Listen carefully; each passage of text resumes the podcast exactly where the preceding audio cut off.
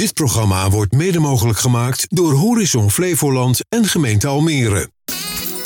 Easy FM tegen innovatie met Ronald Tervoort. Easy FM. Welkom en leuk dat je luistert of meekijkt naar Tech en Innovatie, de wekelijkse talkshow over ondernemen op het snijvlak van technologie en innovatie. Ik ben Ronald Tervoort en elke week spreek ik hierover met twee gasten uit de regio. Denk aan start-ups, scale-ups tot de grotere bedrijven en instellingen. Wat drijft hen? Welke lessen hebben zij als ondernemer geleerd? Hoe proberen ze te innoveren? De impact van technologie daarbij en natuurlijk worden de nodige praktische tips gedeeld. Vandaag te gast in de ICFM-studio in het WTC Media Center Almere. Marcel van der Schouw, eigenaar van Esprit, over het runnen van een ambachtsbedrijf in crisistijd, de inzet van crowdfunding en marktgroei. En Erik Kievit, managing director van Plastic Roads, over het bedenken en produceren van duurzame en klimaatproef wegen, plastic afval als grondstof en smart mobility. Heren, welkom eh, in de studio. Dankjewel, Ronald. Dank. Leuk dat jullie er zijn. We beginnen het programma altijd even met uh, wat jullie is uh, opgevallen, bijgebleven op het gebied van tech-innovatie in de afgelopen periode. Om bij jou te beginnen, Marcel. Ja, ik moest er best wel even over nadenken wat dat zou kunnen zijn. Ik had eigenlijk twee gedachten daarover. De een is eigenlijk gewoon het elektrisch rijden, wat ik eigenlijk al vier jaar doe, wat mij uitstekend bevalt. Maar het meest opvallende was eigenlijk wel dat ik vorige week donderdag aan het eten was op Eiburg. En dat ik daar een robot in de ronde liep, reed. Die wordt ingezet om mensen naar hun tafel te wijzen. Uh, die gebruikt wordt om uh, diner uit te serveren. En waar de borden weer opgezet worden uh, als het naar de keuken moet. Ik kan je vertellen dat dat een hele rare gewaarwording is. Want je ziet ook zo'n restaurant helemaal stilvallen als dat toch een beetje vreemd door, de, door het restaurant gaat. Ik heb ook met de eigenaar daar nog over gesproken. En ja, je, het merkt toch wel dat het komt door een tekort aan personeel uh, dat ze dit doen. En ze overwegen zelfs om een tweede robot uh, in te zetten. Maar ze gebruiken het nog niet om voor het uitserveren. Want ze vinden toch dat ze de, ja, de personal touch moeten geven en, en de uitleg van de gerechten. Om dat op een go goede manier over te brengen aan hun gasten. Om toch nog wat warmte toe te voegen. Want het is natuurlijk verre van warm. Het is ook een beetje toch een raar gezicht. Want, want uh, ik had onlangs iemand die riep dat het ook in Almere zou komen. Maar dat is dus zou komen. Het mooie is dat jij het al hebt ervaren. Ja, ja. Maar je gaat dus aan de tafel zitten en je hebt geen idee dat er een robot komt. En dan, dan wordt het een beetje gek. Nou, bij binnenkomst stond hij al klaar als okay. het ware. Dus het is ongeveer, ik denk 1,30 meter uh, hoogte. Uh, er zit een paneel op en voor de rest zitten er eigenlijk is er een mogelijkheid om het eten op te zetten. Nou, en het, uiteindelijk wordt die daar gebruikt voor het uit, nou niet voor het uitvoeren, voor het afruimen. Dus hij liep mee met uh, degene die daar in de ronde liep. Borden werden erop gezet. Robot was vol en hij werd naar de keuken gestuurd. En achterop stond nog afwas, dat het naar de afwas ging. En daarna ging helemaal het restaurant door naar de keuken toe. Maar jij zegt het is inderdaad uh, ter vervanging van personeel. Maar hoe duur is zo'n robot? Heb je dat ook even nee, gevraagd aan de nee? Oh, dat, nee, dat heb ik niet gevraagd. Maar zij zeggen wel, we hebben gewoon moeite om goed personeel uh, te vinden. En ze waren op goede sterkte voor corona. Maar goed, tijdens corona is natuurlijk heel veel gebeurd. En uh, heel veel mensen zijn weggelopen en hebben een andere vakgebied gekozen. Ja, en nu zie je ze toch weer dat ze gebruik maken van die robots. Ze hebben in ieder geval nu niemand naar huis hoeven sturen. Nee. Uh, ze kunnen goed de robot opladen, zodat hij weer uh, volop kan rijden straks. Grappig. Maar Grappig. Het, is, het is nog wennen, waar ik het maar even zo... zo ja, maar dat, dat is met alle nieuwe dingen volgens Ja, mij. Wat ja, wil je zeggen? Nou, ik vind dat inderdaad wat je zegt. Het is nog wennen. Ik denk dat dat heel interessant is van de tijd waar we nu leven. Dat je eigenlijk in die overgang zit van de interactie tussen robot en mens. We Ja. hebben er vroeger, toen we jong waren, hebben we er films over gezien. En nu zie je steeds vaker dat eigenlijk in de publieke omgeving robots gaan komen. En niet alleen maar zo'n stofzuigertje. En dan zie je dat er nog gewoon een bepaalde angst ook zit. Van op, het moment, op het moment dat er echt dan een robot door, door eigenlijk het publiek heen rijdt. En dat je iedereen een beetje onwennig ook eh, daarop ziet reageren. Ja, en daarom, daarom zei ik ook eigenlijk elektrisch rijden. Hè, want dat is eigenlijk precies hetzelfde. Ik ben vier jaar geleden ben ik overgestapt. Ik reed ongeveer tussen de 40 en 60.000 kilometer per jaar met een diesel. En toen toch overgegaan op een elektrische auto. En ook daar reed ik dan nog steeds die 40 of 50.000 kilometer per jaar mee. Het is gewoon een andere manier van rijden. Maar ik rij ook met die auto heel Europa door. Alleen het is op een eh, ja, iets aangepaste manier. Ik zag eh, van de week dat, dat je nu een snelladerkabel is ontwikkeld. Ik ben even de naam van het bedrijf kwijt. Maar dan ben je dus net zoals met tanken gewoon in vijf minuten pompt hij je auto vol. Toen dacht ik, nou dan moet je auto ook maar tegen kunnen. Ik weet niet of jouw auto al equipped nee. is. Want dat, die, die, die, die evolutie gaat natuurlijk zo hard. Zeker. Ik bedoel, eh, oké, helemaal tof. Hey, en jij Erik, wat is jou opgevallen bijgebleven? Nou, ik, ik was uh, toevallig vorige week was ik op de opening van de IoT Field Lab bij de TU Delft. Uh, waarbij ze eigenlijk allerlei innovaties met, met IoT en met 5G aan het testen zijn. Internet of uh, Things. Internet of Things, ja. En er was een gastspreker die eigenlijk een trendwatcher is op het gebied van technologie. En die presenteerde iets over wat heet NFT's, non-fungible tokens. En voor mij was dat een nieuwe wereld. zeker als je ziet wat voor waarde er nu gehangen kan worden aan digitale eenheden. En wat ik heel leuk vond om te zien in, eigenlijk in, in die presentatie is dat het verschil met hoe generaties omgaan met technologie en wat voor effect dat heeft. Dus wat hij eigenlijk daar presenteerde is wat we allemaal kennen in kunst. Kunst heeft waarde, want er is maar één schilderij van gemaakt en dat wil jij dan hebben. En nu heb je eigenlijk een digitale wereld waar designs worden gemaakt of tekeningen worden gemaakt of, of in games worden skins gemaakt. En door NFT's kan je daar eigenlijk een unieke token aan geven dat jij de enige eigenaar eigenlijk bent van dat stukje design in de digitale wereld. En wat voor geld daar inmiddels al in omgaat. Om gewoon te kunnen zeggen, ik ben de enige die de eigenaar is van dit plaatje. En dan gaat het echt in de miljoenen. Uh, en wat ik heel grappig vond te zien is, als je eigenlijk door die zaal keek, zag je verschillende tafels van ook verschillende generaties. Er was één tafel een beetje in de leeftijd 40 tot 60. Eén tafel in de leeftijd een beetje van 30 tot 40 en een tafel in de, in de leeftijd van begin 20. En dan zie je dus zo'n presentatie waarbij iemand vertelt dat jongeren of, of, of anderen in een game 10.000 euro uitgeven aan een skin voor een, voor een videospel. Nou, dan zie je de tafel van 40 tot 60, zag je echt kijken van wat, wat gebeurt hier. Ik, ik, kan me totaal niet meer vinden in, in wat deze generatie aan het doen is. Uh, en juist mijn generatie, ik heb wel nog uren besteed in videogames om mijn auto in Need for Speed uh, uh, mooier te maken. Maar deed dat echt voor de hobby.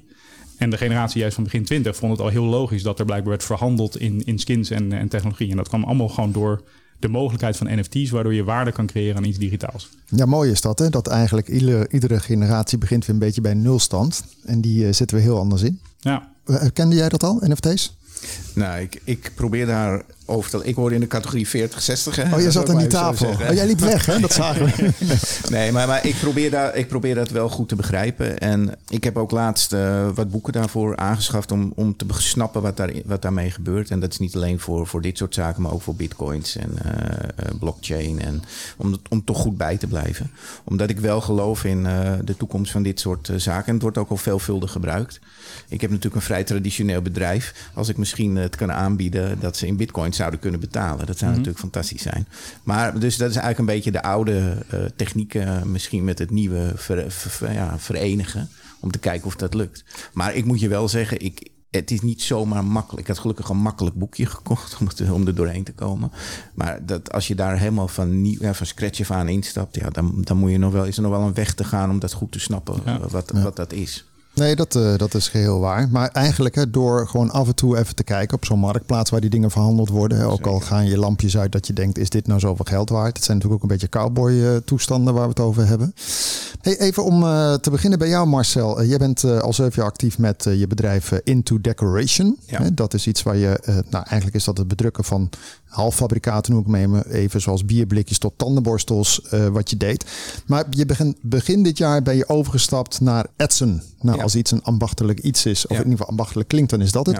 Van waar de overstap van, nou ja, het is allebei een beetje iets met bedrukken en, en, en maken, maar waarom ben je die stap gaan doen? Ja, nou, hij heeft twee. Ik doe dat in de. Dat zegt Into Decoration is nog steeds operationeel. Dat doe ik eigenlijk nog wel dagelijks. Maar dat is eigenlijk meer. Uh, ik noem het maar even een handelsmaatschappij. Dat koop ik in en dat verkoop ik. En dat zijn eigenlijk een soort van stickers. Zo, zo noem het dan maar even oneerbiedig. Dat zit op een hele grote rol.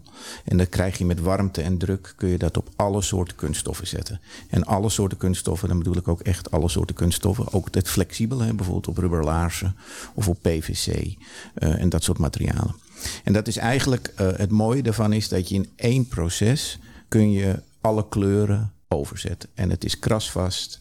En het, ja, het heeft gewoon blijvende hechting. Dus het is net of het erop zit. Nou, en, en, en het meest belangrijke voorbeeld is dat het veel op tandenborstels uh, zit. En wat ik ook eigenlijk altijd noem is, als je je zonneklep naar beneden doet van je auto, dan zie je vaak dat daar, uh, zo'n lelijk uh, logootje zit, dat je geen maxicosi op die stoel mag zitten. En nou, allemaal mooie teksten erbij. In het verleden kon je dat eraf trekken. Nou, en dat door liabilities en dat soort zaken hebben, hebben ook de auto-industrie heeft er gekozen om daar een heat transfer uh, op te zetten. Zo heet het eigenlijk. En dat is iets wat erin zit. En probeer het nu maar eens van je auto eraf te halen. Dat gaat niet. Ja, nee, dat wordt een rotzooi. Tenzij je met een schroevendraaier erin gaat, maar dan krijg je alles stuk. Maar in principe is dat de, de techniek. Dat handelen daarin, dat is natuurlijk leuk. Dat deed ik eigenlijk zelf. Maar eigenlijk wil je ook een soort waarde toevoegen en waarde creëren. En alleen is maar alleen. Hè? Dus, ik ben toch wel een mensenmens. Ik wil graag mensen om me heen hebben. Dus ik ben eigenlijk wat verder gaan kijken. Nou, en ja, vraag mij niet hoe. Ehm, de eigenaar van Esprit had een bedrijf in de hand genomen om zijn bedrijf te verkopen. En op een of andere onverklaarbare reden ben ik daarvoor benaderd. En zei dus, heb je interesse? Nou goed, ja, grote broek aan. En ik dacht van, joh, ik heb wel interesse. We gaan wel eens kijken wat het is. Nou goed, je weet hoe dat gaat. Stukken krijg je. Ga eens een keer praten. En ga je eens een keer een dagje meedraaien. En nou ja, uiteindelijk is het gewoon een heel mooi bedrijf. Wat al twintig jaar bestaat wat al twaalf jaar actief is in, uh, in Almere. Maar waar eigenlijk nog niemand uh, van gehoord had. En voor mij was het meteen de stap om het gewoon een bedrijf te hebben. Om meteen waarde toe te voegen en waarde te creëren. Nou, en uiteindelijk heb ik eigenlijk ook altijd wel, ik wil gewoon iets maken. Kijk, iets inkopen en verkopen, mm -hmm. dat is hartstikke leuk als een ander het voor je maakt. Maar iets zelf maken, dat is gewoon andere koek. En dat vergt gewoon een hele andere manier van benaderen. Ja, en dat is wel, was echt iets nieuws voor mij. Maar ik was eigenlijk meteen enthousiast. Omdat ook zoals jij schetst, ook Eds klinkt een beetje uh, muffig. Misschien is het dat soms ook wel een beetje. Maar als je ziet wat we maken, ja, dan, dan denk je van ja, het is een fantastische mooie techniek. Ja, want wat, wat maken jullie allemaal? Want ik, ik kan me voorstellen naambordjes en zo, zodat popt meteen op. Maar het, het is ja, veel breder, denk ik. Ja, het is, het is veel breder. Ik kan eigenlijk uh, zeggen dat we veel in de industrie, in de scheepsbouw uh, maar ook in de infra actief zijn. En dan moet je denken aan uh, bewegwijzeringspanelen, zoals ze vaak bij de lift uh, hangen. Eventuele toevoeging met braille. Ook dat is belangrijk, hè? dat kunnen we doen.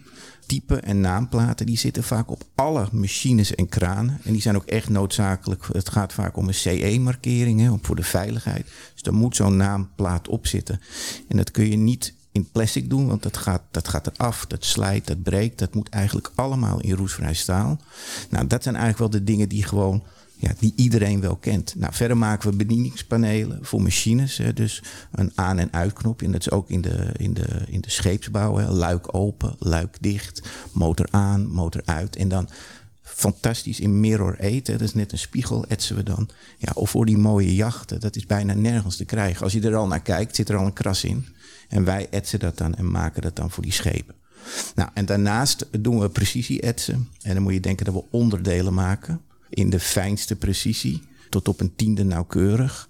En dat zijn onderdelen die uit één plaat geëtst worden. Dus wij doen alles vanuit een plaat en dat wordt door en door geëtst, zodat je eigenlijk het in de vorm van het onderdeel komt het bij ons. Uh, maar dan maak je een soort customize-achtig iets.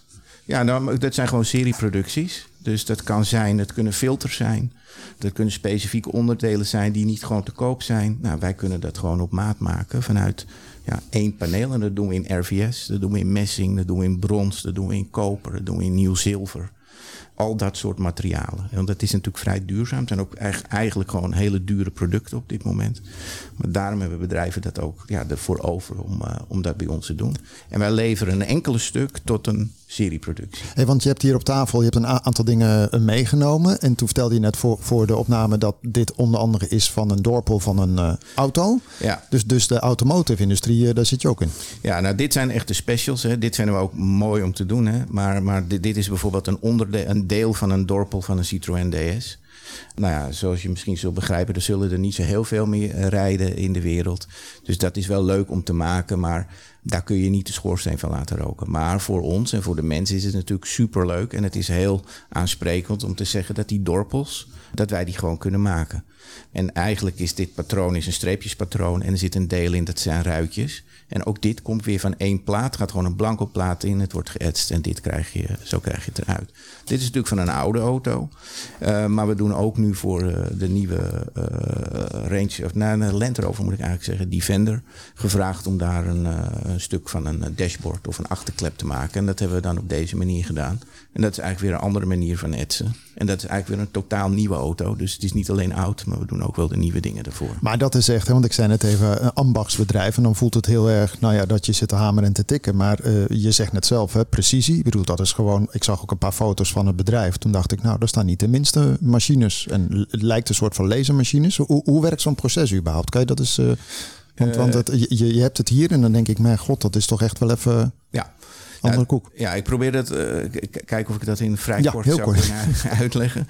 Ehm, eigenlijk eh, stuurt de klant een tekeningen, artwork eh, heet het als het ware. Dat stuurt hij gewoon op. Dat is een PDF-bestand of een AI-bestand of een vectoriaal bestand, eh, zoals dat zo mooi heet.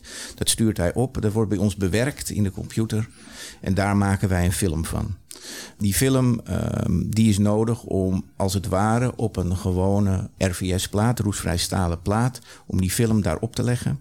Die plaat moet eerst helemaal ontvet worden, want als die niet goed ontvet is, dan is er geen hechting van die film. Nou, op het moment dat het ontvet is, dan gaat die film erop, dan wordt die belicht, dan haal je die film eraf en dan staat eigenlijk die, de opdruk van die film staat op het roestvrij staal. Wauw, dat is, klinkt echt old school, hè? Zo Ja, even, ja, ja. En dan wordt het ontwikkeld. Dan gaat het door een ontwikkelmachine. Dan zit het erin. En dan gaat het in de etchmachine. En in de etchmachine vindt eigenlijk de chemische reactie plaats. Waardoor het patroon wat, op, eh, wat de artwork is, wat in de plaat terechtkomt. Nou, dat is niet in één keer. Vaak is dat eh uitkienen hoe diep dat moet zijn. Of eh, welke, welke, wat de klant eigenlijk daar wil. Dus misschien moet het wel twee keer, misschien moet het drie keer. Dat is een beetje afhankelijk van wat de klant wil. Dan is het geëtst. Dan moet het weer helemaal schoongemaakt worden, als het ware. Want die film die zit daar nog op. Dat is een soort blauwe laag die erop zit. Dan gaat het in een loogbad. Dan gaat die blauwe laag eraf. En dan gaat het naar de lasersnijmachine. Nou, en die hangt gewoon bij ons in het netwerk. Dan komt weer die, dat artwork kunnen we weer oproepen. En dan wordt het patroon gewoon uitgesneden. Ja, daar hoeven we eigenlijk verder eh, niets aan te doen. De lasersnijmachine doet alles van 0, nou, zeg maar 0,10 tot en met 3 mm kunnen we in één keer. eh, Maar is dat niet onwijs duur dan? Want ik zag foto's met van die machines dat ik dacht van, nou ja, dat, dat, eh, dat heb je niet zomaar even in je achterzak eh, betaald waarschijnlijk. Nee, nee, nee, dat heb ik ook zeker niet. Ehm, dus ik had die grote broek aangetrokken en gedacht, nou, dat, dat wil ik wel graag hebben, dat bedrijf. Nou goed, er komt natuurlijk eerst een hoop bij kijken van, kom je daar wel uit? Nou, eigen geld erin gestopt. En uiteindelijk kwam ik nog wat tekort en eh, ehm, ja, ben ik gaan kijken hoe ik aan geld kon komen. Nou, de traditionele weg bewandeld, ehm, bij de banken geweest. Nou goed, die geven eigenlijk eh, geen gehoor daarvoor. Die, zul- la- hè, die sturen je naar een website waarin je standaard je gegevens kunt ingeven. Maar ik ben niet standaard tenminste. Maar dat is toch gek je. trouwens. Dit bedrijf bestaat al langer Ja. en, en het heeft een goede cashflow als ik jou zo behoor. En dan kunnen ze van hun geld af wat geen geld kost. Hè, wat ze niet hoeven te Ja. stallen bij de ECB. Ja, ja, ja dit is heel, heel apart. Is heel apart. Ja, en eh, ehm, en je, komt daar, je komt daar ook gewoon niet, niet doorheen. Nou ja, goed. En dan kun je met investeerders eh, aan de slag. Maar dat wilde ik eigenlijk niet, want ik, ik ben gaan ondernemen om het zelf te kunnen doen. En ja, je weet toch wel hoe het met investeerders gaat. Die willen toch elke maand weer even over die schouder meekijken. En eigenlijk één vraag kunnen ze stellen. Hoe zit het met de omzet en welke resultaten heb je geboekt? Daar ben ik zelf natuurlijk ook in geïnteresseerd. Maar dat, dan wel voor mezelf en niet voor anderen. Dus dat, dat pad heb ik laten varen zolang dat eh, kon.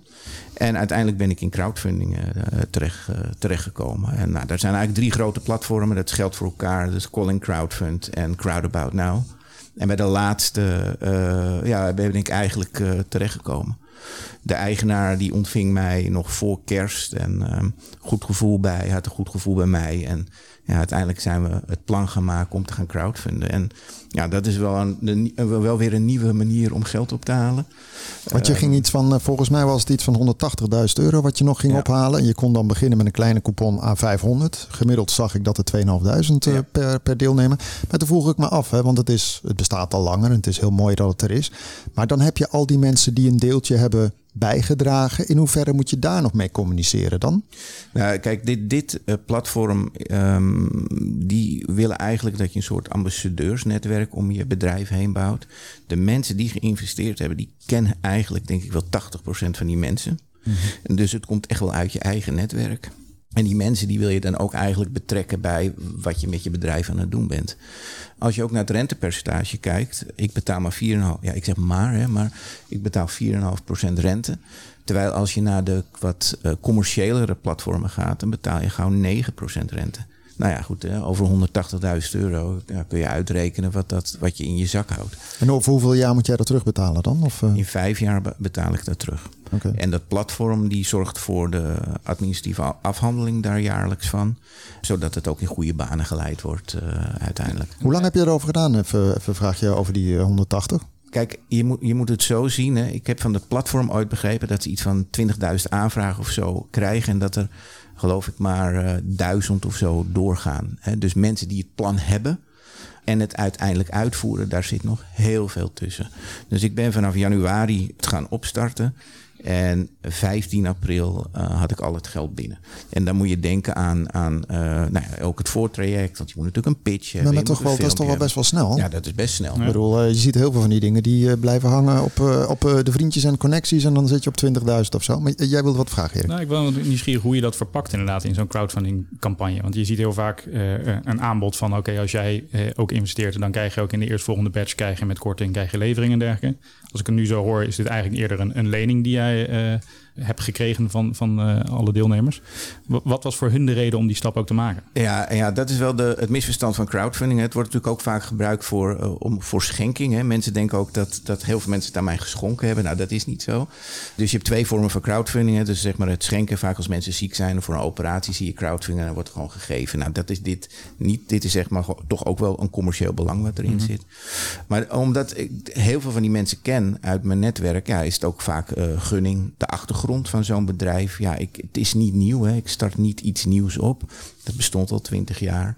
En mijn verpakking is ook echt geweest. En dat meen ik ook tot op de dag van vandaag nog steeds. En dat zei ik ook al. Het is een bedrijf dat al zo lang bestaat. En het is eigenlijk helemaal niet bekend. Nou, nou kun je niet altijd overal bekend zijn. Maar dat is wel een van de dingen waar ik me druk om maak. Om te zorgen dat we wat bekender worden. Zeker hier in de regio. Want ja, er is hier ook heel veel werk voor ons te doen. Maar ook gewoon om het bedrijf gewoon goed op de kaart te zetten. Want zijn er eigenlijk veel bedrijven in Nederland die aan etsen doen? Nee, er zijn, uh, er zijn nog één of twee andere bedrijven die dat doen. Maar die zitten net in een iets ander segment. Dus die doen eigenlijk niet aan het decoratieve, noem ik dan maar eventjes. Want wij werken ook nog wel voor kunstenaars. En ik noem maar even die typen en naamplaten. Dat doen zij niet. Zij zitten echt meer alleen in de onderdeeltjes. Wat wij ook wel doen. Maar zij hebben meer daar de focus op. Ja. Dus die zijn er niet. In België is er ook niet zo heel veel. Dus ik heb ook best wel veel klanten uit, uh, uit België vandaan.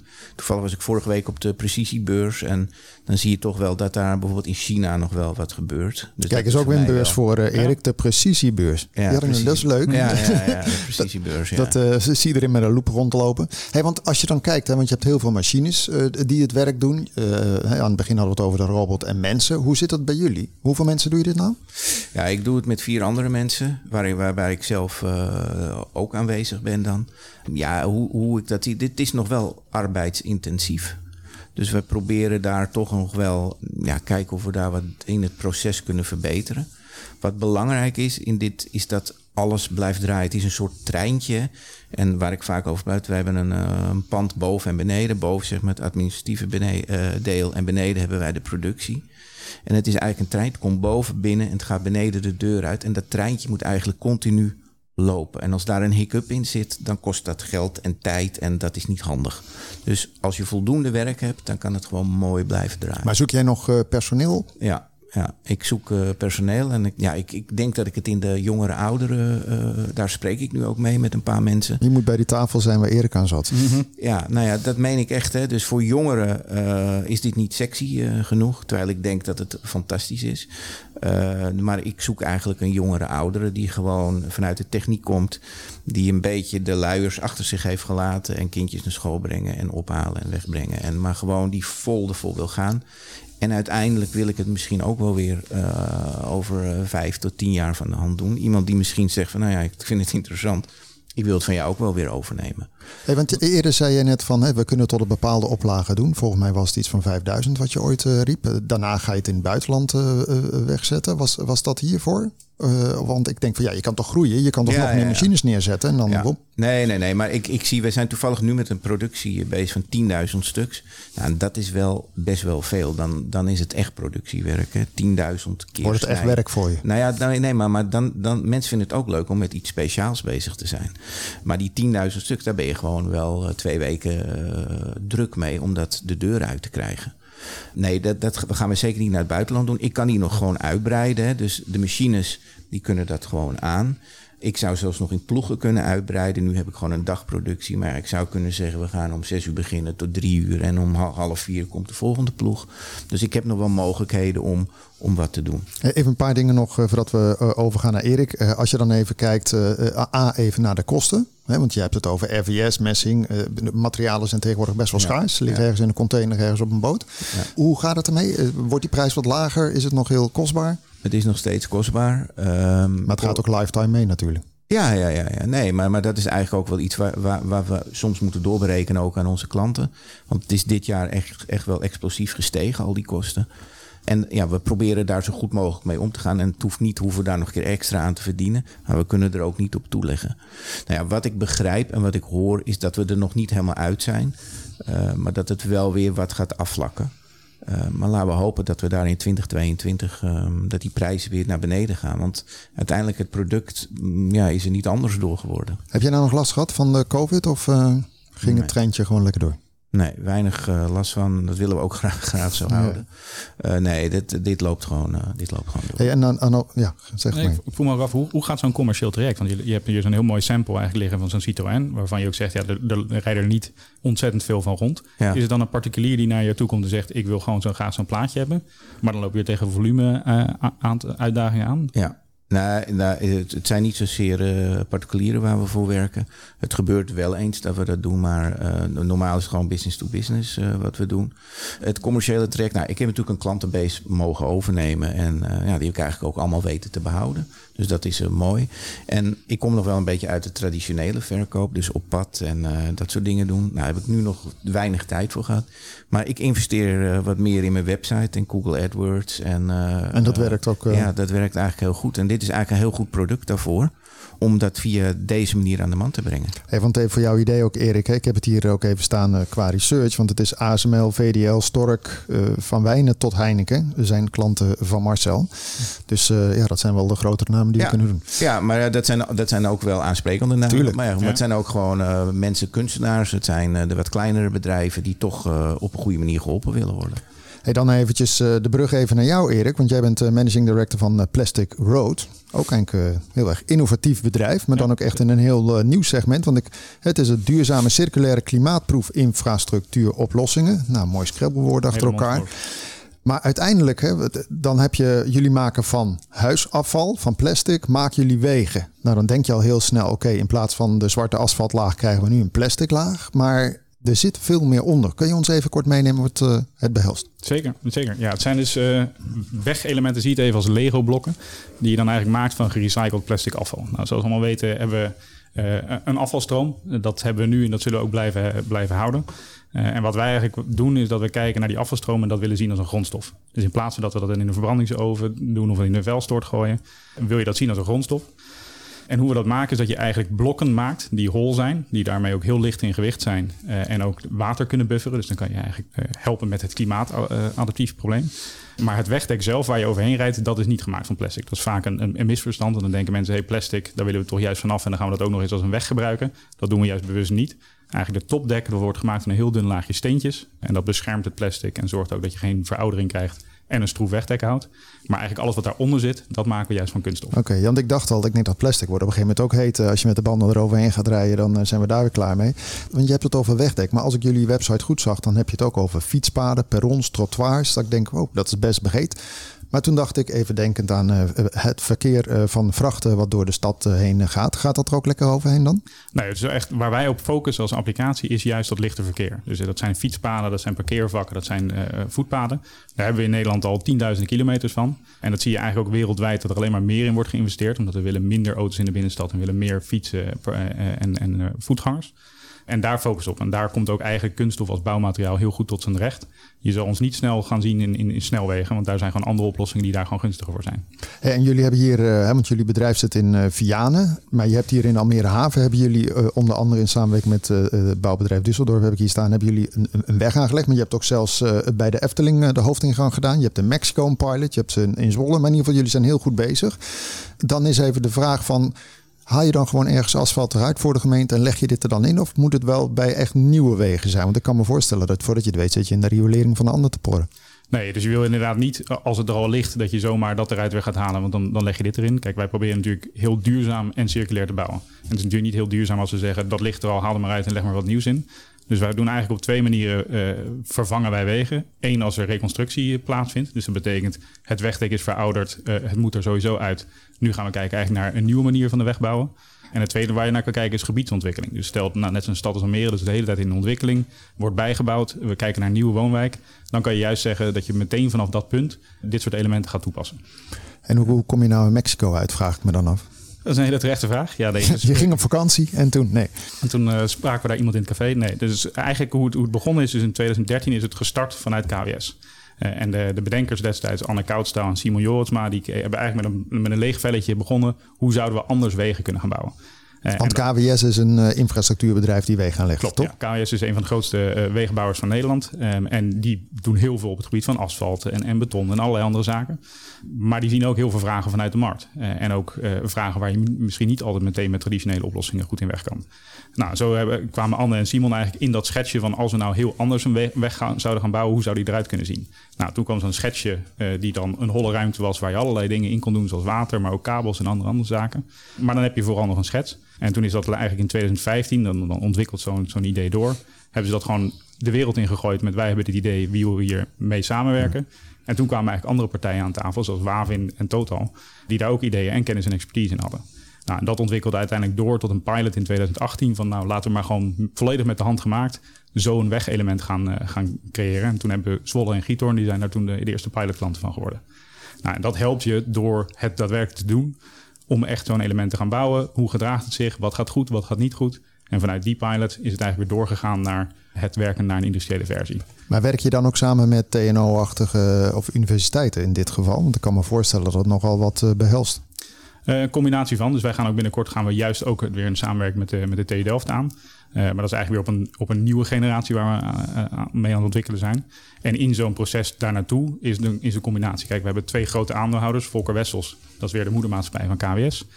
Die heeft het overgenomen en samen met Wavin zitten, zitten ze daar eigenlijk in. En die hebben natuurlijk heel veel expertise ook in huis. Die hebben eigenlijk eigen R&D-centers, die, die doen dit al decennia. Het zijn, geen, het zijn grote jongens. En die hebben ook heel veel van die kennis en expertise ingebracht. En dan ga je vooral gewoon in de markt ga je testen. Je hebt natuurlijk ook zo'n eh, plaatje van eh, Marcel eh, ergens op zitten. Want het moet ook officieel Die geregistreerd wegdek zijn. Hè? Heel goed. Hey, maar hoe kom, je, hoe kom je dan aan al dat plastic? Nou, helaas is daar heel veel van. Dus als je eigenlijk kijkt naar afvalstromen van plastic, wordt er nog maar heel weinig gerecycled. Eh, zo'n- Zo'n 9% eh, eh, waar we nu op zitten. Dus dat moet sowieso moet dat nog verder omhoog. Maar er is nog wel heel veel, veel toevoer. En wat wij eigenlijk doen, is dat wij kijken naar de stroom PP. Dus dat is polypropyleen. Eh, en dat kennen we ook wel van, van eh, babyflesjes, van boterkuipjes en dat soort zaken. Eh, en de reden waarom we daarvoor hebben gekozen, is dat het één de juiste mechanische eigenschappen heeft. Maar twee, ook gewoon een van de hele duurzame plastics is. Dus er zitten geen zware metalen in. Je kan het heel schoon inkopen. En je kan het ook heel goed recyclen. Dus wat wij eigenlijk doen in die elementen is dat in de eerste productie wil je dat maken van al afvalplastic. En op het moment dat je zo'n product dan hebt gemaakt, dat die ook circulair is. Dus Maar waar haal je dat vandaan? Want kijk, hier in Almere heb je verschillende van die punten waar ook eh, recycling en circulaire en ook met plastic, eh, zal ik maar zeggen.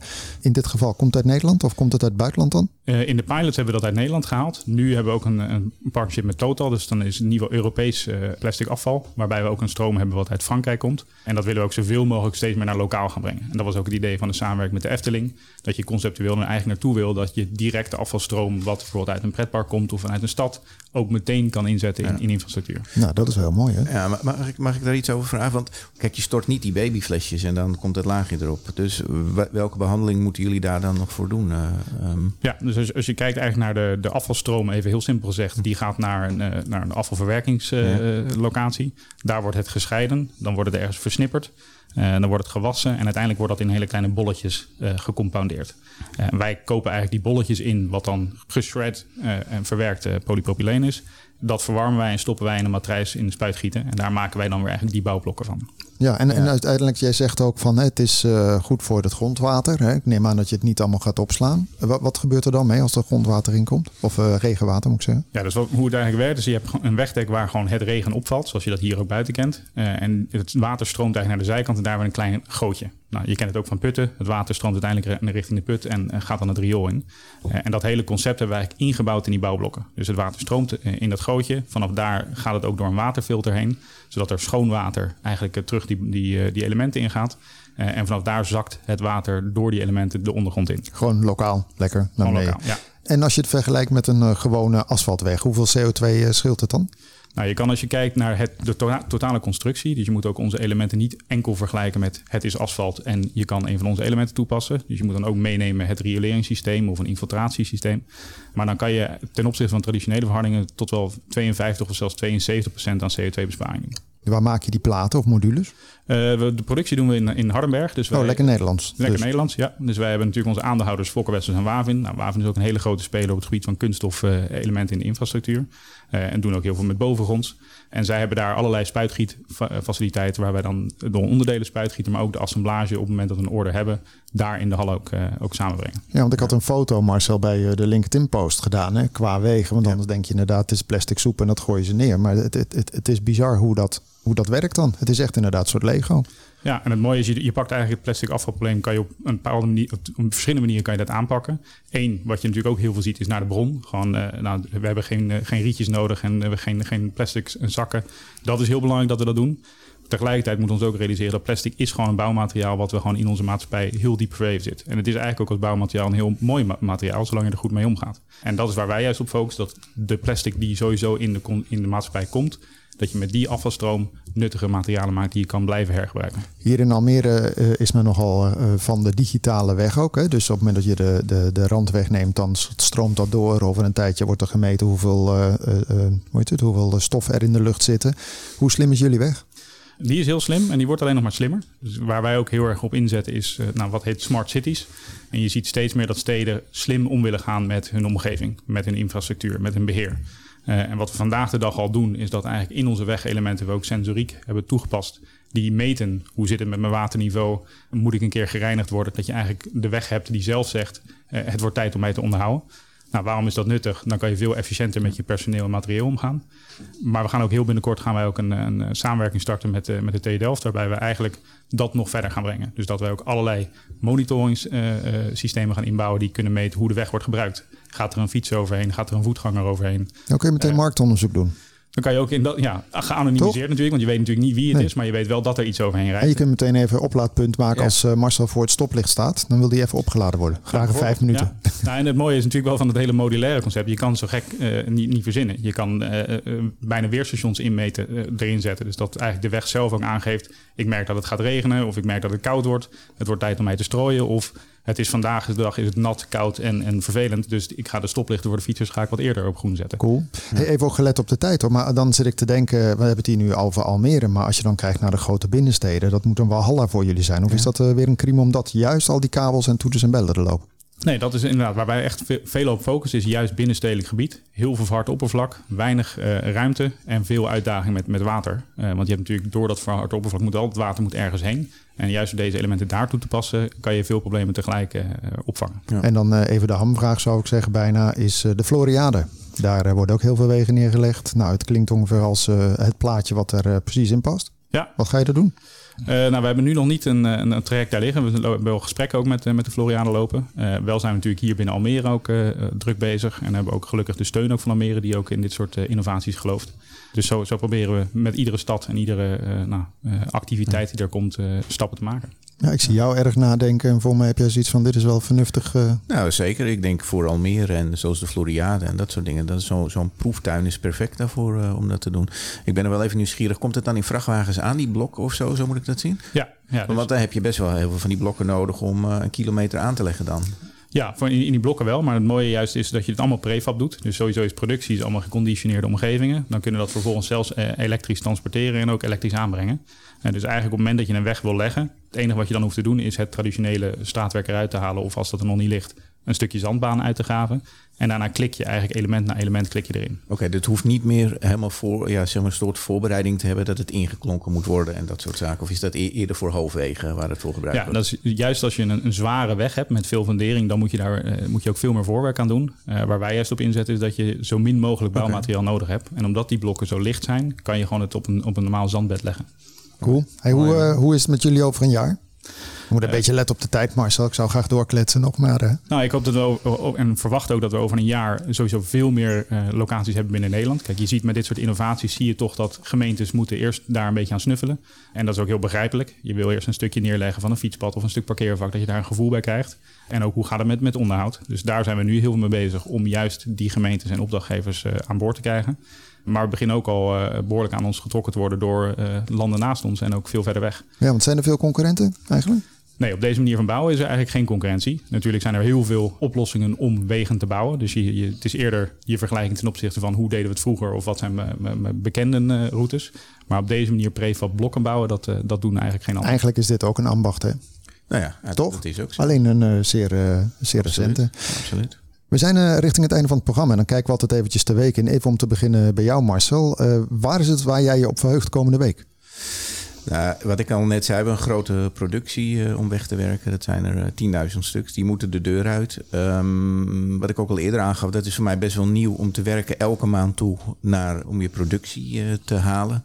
Dus ik verheug me erop dat alles goed de deur uit gaat de komende week. En, en zoals het eruit ziet, lopen we op planning en gaat het ook daadwerkelijk gebeuren. Oké, okay. en mooie vooruitzichten voor 2022 ook in de ja, pijplijn? zeker. zeker. En we, zijn, we hebben een goede orderportefeuille gevuld. En ik, ja, we blijven blijven druk bezig om wat aan die naamsbekendheid te doen. Nou. En daar is nog een uh, lange weg te gaan. Dus, uh, Bij deze gaan we het, uh, hebben we het nodige al gedaan. voor jou Erik, waar veug jij op? Voor mij vergelijkbaar. Dus wij zijn natuurlijk in mei hebben, dit jaar hebben we ons product gelanceerd. En dan, dan begint natuurlijk een hele traject om, om die klanten ook te vinden. En nu zijn we eigenlijk op het punt dat een paar hele mooie projecten de deur uit gaan. Dus ook volgende week gaat er de slimste fietspad ter wereld gaat eigenlijk de deur uit.